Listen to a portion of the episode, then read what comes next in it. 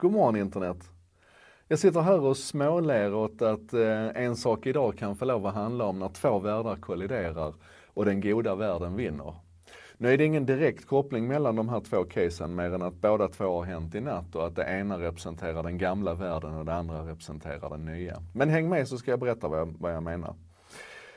Blackberry, företaget som en gång i tiden hette RIM, Research in Motion och tillverkade den mest ikoniska affärsmobiltelefonen du kan tänka dig. Den hette just Blackberry och var känd med sitt tangentbord och och sitt, sitt oerhörda fokus på, på affärsanvändaren. De var en gång i tiden kungen på kullen när det gällde mobiltelefoner. Jag tror de hade närmare 80 miljoner prenumeranter. Det var jättemycket då när de var stora runt, alltså riktigt stora runt 2008, 2009, 2010. Alltså till och med efter att iPhone hade lanserats så fortsatte Blackberry att gå som ett ånglok.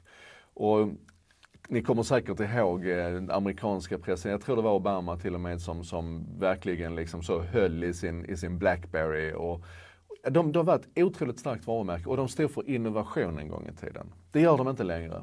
Nu står de för det vi tycker absolut sämst om på internet, patenttrollande.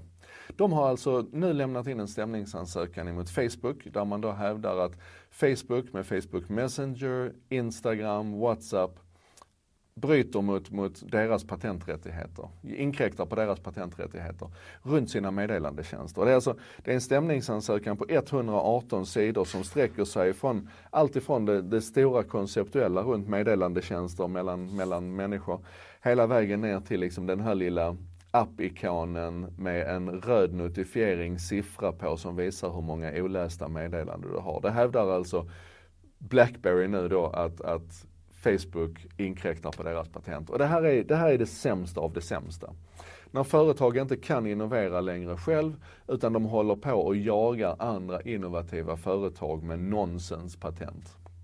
Och det visar så tydligt hur, hur trasigt hela det här systemet håller på att bli runt det man kallar för IP, Intellectual Property, där, där också copyright, upphovsrätt, mönsterskydd, massor med sådana här saker som en gång i tiden tillkom för att ska man säga, främja innovationen.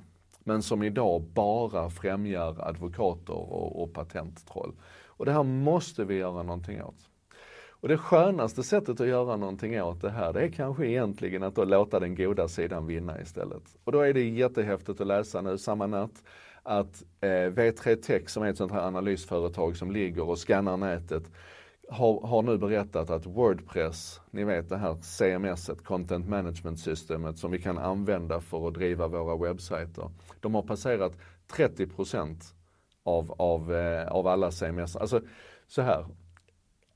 De mäter vilka system som driver webbsajter. Och 30% av alla webbsajter rullar nu på Wordpress. Av deras mätningar, de mäter 10 miljoner sajter tror jag, så är det 50% där man inte kan avgöra vilket CMS det är eller där det inte finns något CMS överhuvudtaget utan det är hemmasnickrat. Men av de som kan mäta så är det 30% som kör på Wordpress. Det innebär alltså en 60% i marknadspenetration.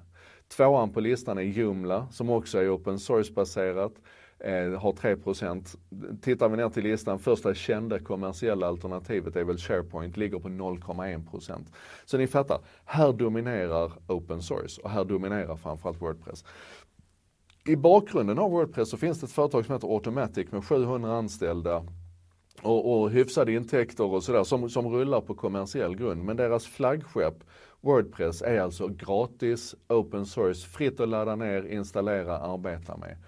Och det här tycker jag är ett härligt tecken på att, att den här generösa hållningen, open source, att vi delar med oss och utvecklar tillsammans, det är det som vinner på internet. Så, Blackberry och patent och, och trollande och, och så proprietärt bort. Automatic med Wordpress, open source, generöst, delande, öppet, tillgängligt, fritt, in. Så enkelt är det och det var dagens läxa i En sak idag. Som producerades av mig, Joakim Jardenberg, med benäget bistånd av Bredband2. Internetoperatören som gärna lyssnar när andra snackar, till exempel när jag snackar och sen hjälper de till att sprida det goda ordet. Tack för det. Det textas och översätts av Contentor som jobbar med redaktionella texter på internet, modern marknadsföring och just med översättningar. Så fram emot lunch så finns det textremsa på både svenska och engelska här. Fullständigt magnifikt, tack för det. Och eh, tack också till alla er där ute som hjälper till och bidrar till diskussionen. Kommentera, diskutera, sprid. Ehm, det här med internet är viktiga saker. En sak idag nummer 162 kanske. Vi ses imorgon igen.